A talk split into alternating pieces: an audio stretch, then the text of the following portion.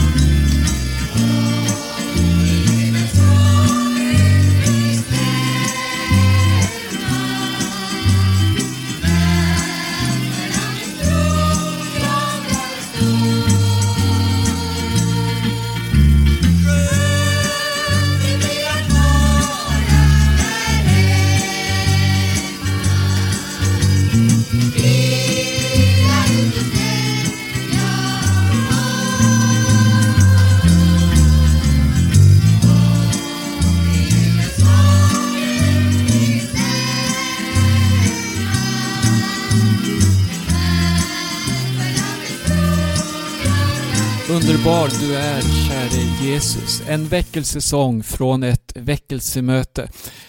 Och eh, det här är sant.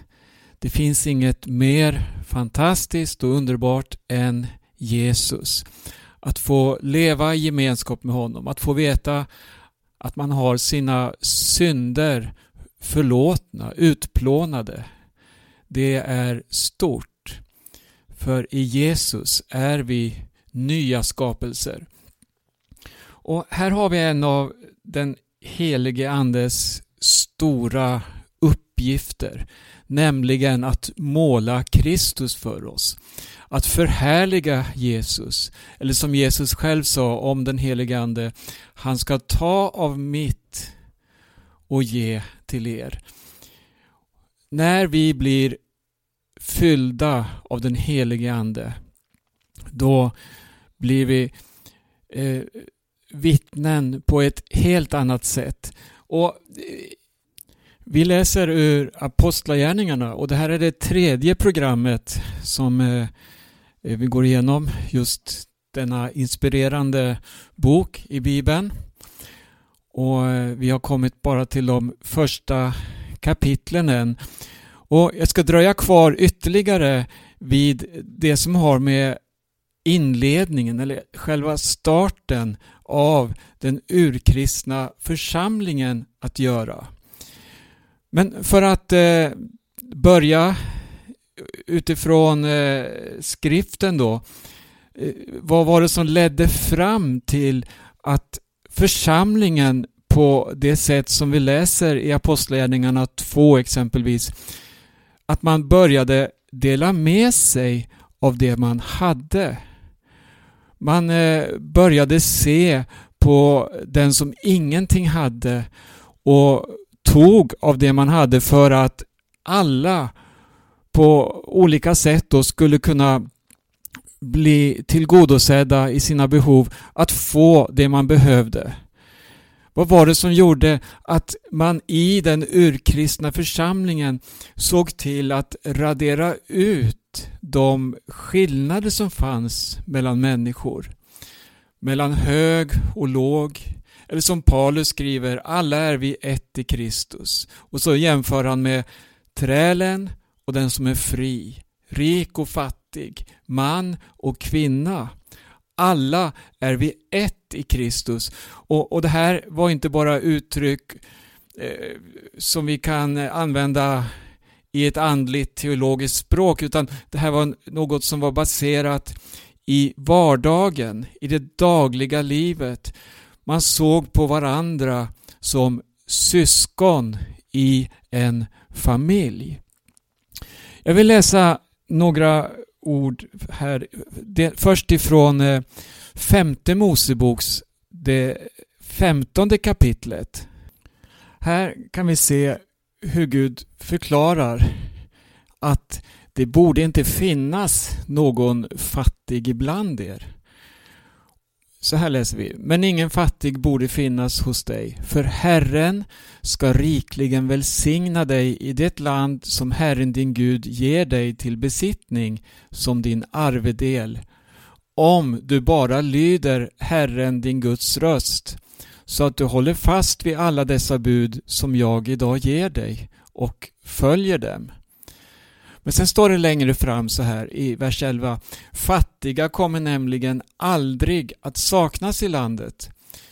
Därför befaller jag dig, du ska villigt öppna din hand för din broder, för de behövande och fattiga i ditt land.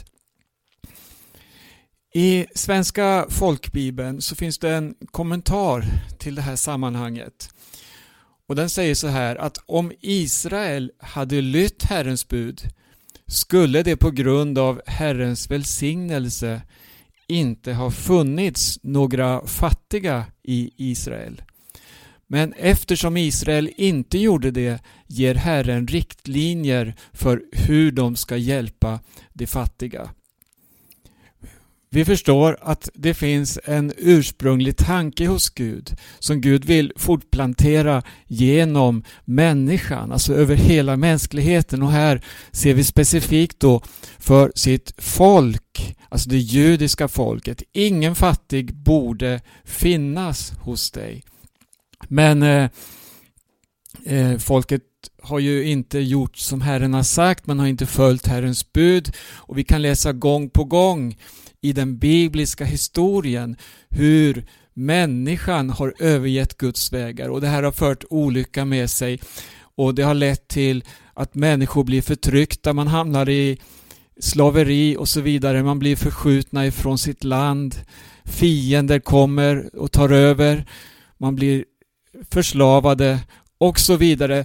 Här finns det väldigt många exempel att lyfta fram ur Bibeln. Men genom allt detta så visar Gud ändå på riktlinjer för hur man i alla omständigheter, alltså under alla omständigheter ska räcka ut sin hand och hjälpa den som är fattig. Genomgående finns det uppmaningar i Bibeln om att ta sig an främlingen, änkan och den faderlöse. Exempelvis läser vi i femte Mosebok 24, den sjuttonde versen. Du ska inte förvanska rätten för främlingen eller den faderlöse och inte ta en änkas kläder i pant. Och så 19 versen. När du skördar din åker och glömmer kvar en kärve på åken ska du inte gå tillbaka för att hämta den. Den ska tillhöra främlingen, den faderlöse och änkan. Då ska Herren din Gud välsigna dig i allt du företar dig. När du slår ner dina oliver ska du inte sedan söka genom grenarna. Det som finns kvar ska tillhöra främlingen, den faderlöse och änkan. När du plockar druvorna i din vingård ska du inte göra någon efterskörd. Det som finns kvar ska tillhöra främlingen, den faderlösa och änkan. Kom ihåg att du själv har varit slav i Egyptens land. Därför befaller jag dig att iaktta detta. Eh, jag har lyft fram här bara ett par exempel då ifrån eh, Moseböckerna. Och Det finns alltså ett genomgående rättspatos i Bibeln som ser till den fattige. Eller som här främlingen, den faderlöse och änkan. Och det här återkommer också hos Jesus. För att när vi lyssnar till Jesu undervisning så lyfter han fram på ett väldigt specifikt sätt just den människa som lider, den som sörjer, den som är fattig, den som är tyngd av sjukdomar och på andra sätt marginaliserad i samhället. Jesus han ger ett speciellt värde till dessa människor. Och jag ska lyfta fram något av dessa grundprinciper Jesus ger oss i, i eh, först i Lukas Nej förlåt, vi går till Matteus, det femte kapitlet. Här har vi ju då bergspredikan. Och jag ska läsa några citat ur bergspredikan. För det här, det här lyssnade lärjungarna till. Här lades en grund för det som vi sedan ser eh, utvecklas och ta form i apostlagärningarna, alltså hos den urkristna församlingen. Det bygger på Mose undervisning. Det bygger på det profeterna eh, profeterade i, under det gamla förbundet. Vi kan läsa mycket i Sakarja, Malaki om behandlingen av främlingen och så vidare. Och här kommer Jesus och vad säger han? Matteus 5 och vi läser från tredje versen. Saliga är de som är fattiga i anden. För dem tillhör himmelriket. Saliga är de som sörjer, för de ska bli tröstade. Saliga är de ödmjuka, saliga är de som hungrar och törstar efter rättfärdighet, för de ska bli mättade. Det här är ingen framgångsförkunnelse, utan det här talar mera om förnöjsamheten över det lilla. Att tacka Gud för det dagliga brödet. I Matteus 6 så säger Jesus så här i den 19 versen. Samla er inte skatter på jorden där rost och mal förstör och tjuvar bryter sig in och stjäl. Samla er skatter i himlen där varken rost eller mal förstör och där inga tjuvar bryter sig in och stjäl. För där din skatt är, där kommer också ditt hjärta att vara. de jordiska skatterna förgås, allt vi har här, allt det materiella som vi har runt omkring oss, det kommer vi ändå att få lämna. Det är ett faktum som vi alla kan konfirmera. Men Jesus säger att vi ska inte samla skatter på jorden. Och rent konkret, vad, vad, vad betyder detta? Ja, det här, Jesus han lyfter ju fram också just kärleken till penningen, hur den är roten till allt ont. Alltså det materialistiska tänkandet och så vidare. I samma bergspredikan så fortsätter Jesus så här då i sjätte kapitlet, Eh, vers 24. Ingen kan tjäna två herrar. Antingen kommer han att hata den ena och älska den andra eller hålla fast vid den ene och förakta den andra. Ni kan inte tjäna både Gud och mammon. Därför säger jag er, bekymra er inte för ert liv, vad ni ska äta eller dricka, eller för er kropp, vad ni ska klä er med. Är inte livet mer än maten och kroppen mer än kläderna? Se på himlens fåglar. De sår inte, de skördar inte och samlar inte i lador och ändå föder er himmelske far dem. Är inte ni värda mycket mer än det? Vem av er kan med sitt bekymmer lägga en enda aln till sin livslängd? Och varför bekymrar ni er för kläder?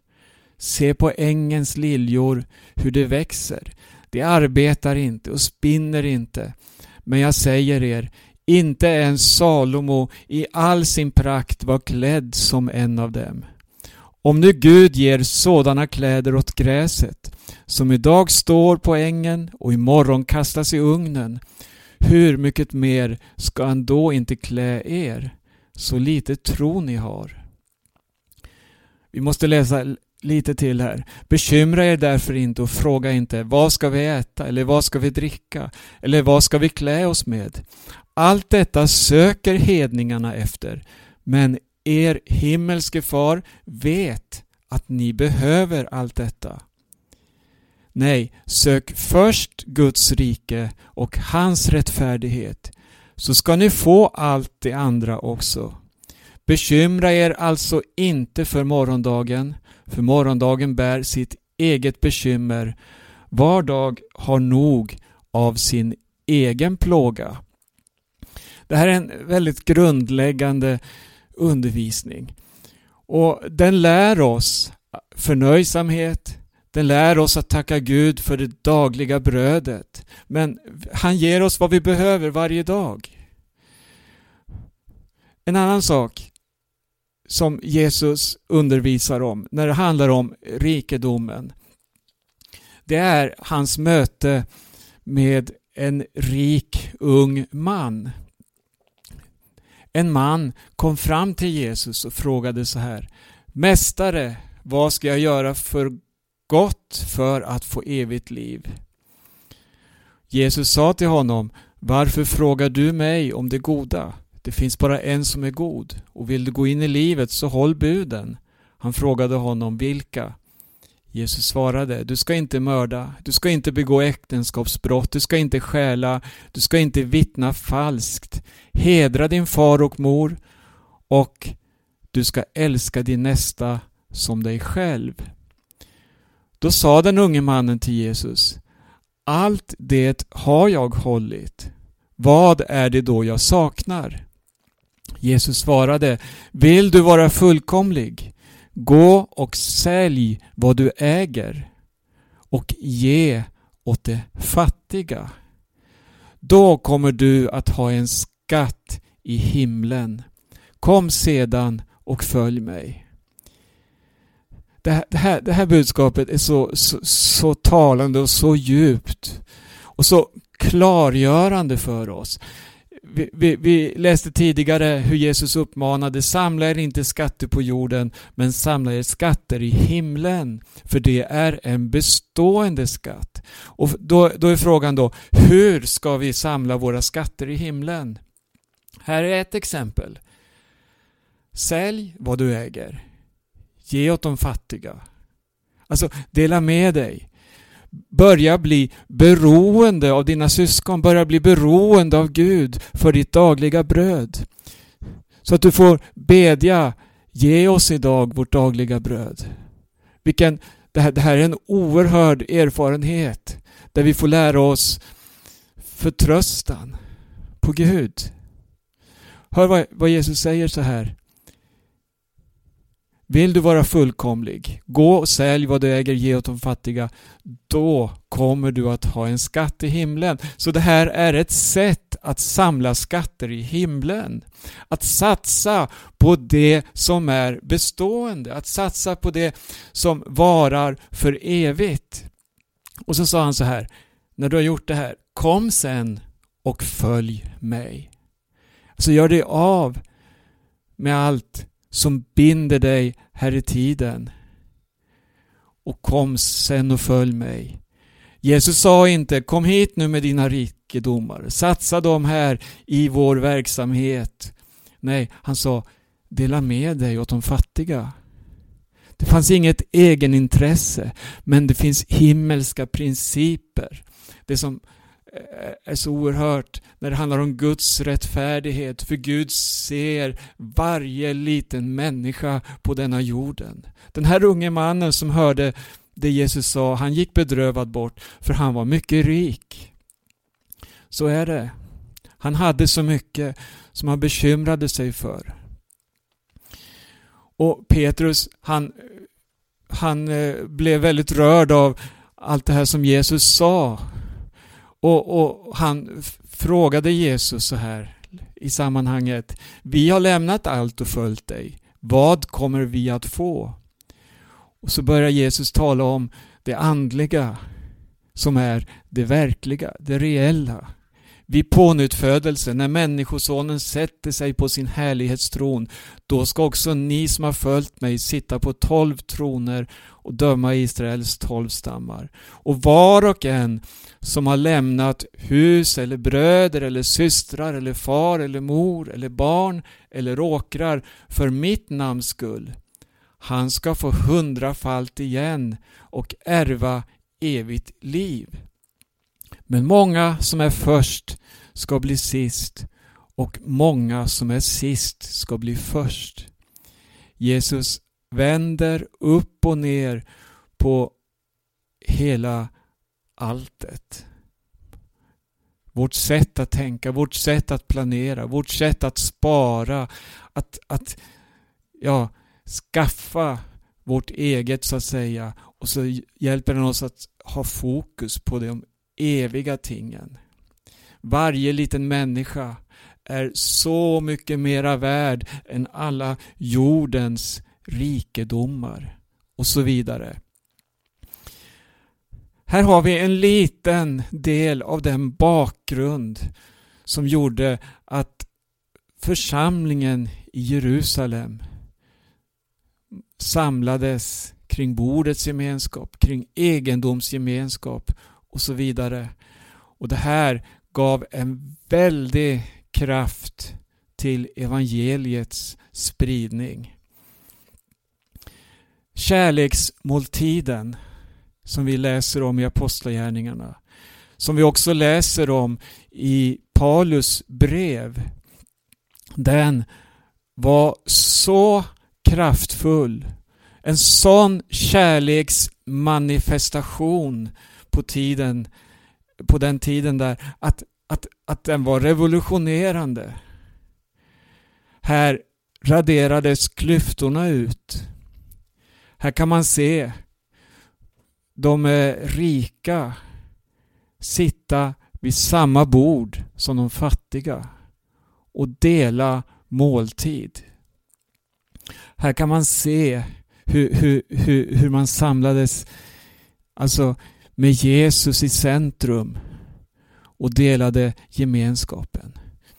Jag ska säga några ord här också till sist om en viktig del i det hela.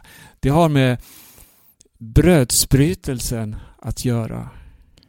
När vi läser om församlingen i Jerusalem så står det att de delade brödet med varandra och man åt tillsammans. Och här, vi, det ursprungliga, också hos Jesus när han samlade sina lärjungar, det var ju det att han instiftade det nya förbundet, alltså brödsbrytelsen då, i samband med måltiden. Det var en del av kärleksmåltiden. Det här följde med in i apostlagärningarna och den första församlingen det var först senare som eh, denna brödsbrytelse har förkyrkligats och blivit en ritual. Och det här har med kyrkans makt att göra. Kyrkans behov av att kontrollera församlingen. När man gjorde en eh, mässa av det, en ritual som har följt med i stort sett i alla kyrkliga sammanhang under historiens gång. Och traditionellt så är ju brödsbrytelsen idag en ritual i kyrkan som man utför mer eller mindre regelbundet på ett speciellt sätt. Och, men det här har ingenting med Bibelns brödsbrytelse att göra. När vi läser om den så var man samlade och åt tillsammans och under måltiden så delade man brödet för att påminnas om Jesus, försoningen, om vad han har gjort för att förlåta oss våra synder. Kärleksmåltiden, den förbjöds. Inte av myndigheterna, men den förbjöds av kyrkan i Kartago under kyrkomötet där. Tyvärr kommer jag inte ihåg året just nu men någon gång på 300-talet så förbjöd man den för att den var en sån maktfaktor i församlingen när man kom tillsammans för att äta, dela gemenskapen och bryta brödet. Här gick man in i kyrkomötet i Kartago uttryckligen förbjöd kärleksmåltiden för att man menade att den var kättersk. Och den stoppades alltså på det sättet. Och istället så har dominansen utgått ifrån den här katolska synen med mässan. Vi tror ju inte på den transubstationslära då som katolikerna menar är, men själva ritualen, liturgin, formen för det hela har ju följt med in i protestantismen, in i evangeliska kretsar och så vidare. Brödsbrytelsen har blivit en del av en ett möte där, där, där man utför den på samma sätt hela tiden. Men Bibeln den har en, något så mycket mer att vilja ge oss när det handlar om att dela brödet med varandra. Det som uttrycker Guds rättfärdighet, det som uttrycker det här utjämnandet mellan fattig och rik. Det fanns missbruk under eh, Nya Testamentets tid. Vi kan läsa om det i församlingen i Antiochia. Vi kan läsa om det i Korinterförsamlingen när Paulus skriver till till församlingen där att ingen Herrens måltid kan hållas. Och varför? Och då kommer det här fram att när ni äter tar var och en genast för sig av sin egen mat. Den ena är hungrig, den andra är berusad. Och så förmanar han församlingen där. När ni kommer tillsammans så råder fortfarande dessa skillnader mellan fattig och rik. Ni skapar klyftor mitt i församlingen. Istället för att dela med er så att var och en får det han behöver. För att på det sättet uttrycka Herrens måltid. Det finns väldigt mycket mer att säga om det här. Vi får fortsätta framöver i vår studie av Apostlagärningarna. Jag heter Berno Vedén och du lyssnar till Radio Maranata Stockholm, Radio Maranata Örebro. Och vi sänder varje morgon klockan 8, måndagar och onsdagar klockan 18. maranata.se kan du hitta information om oss. Gud välsigne var och en på återhörande.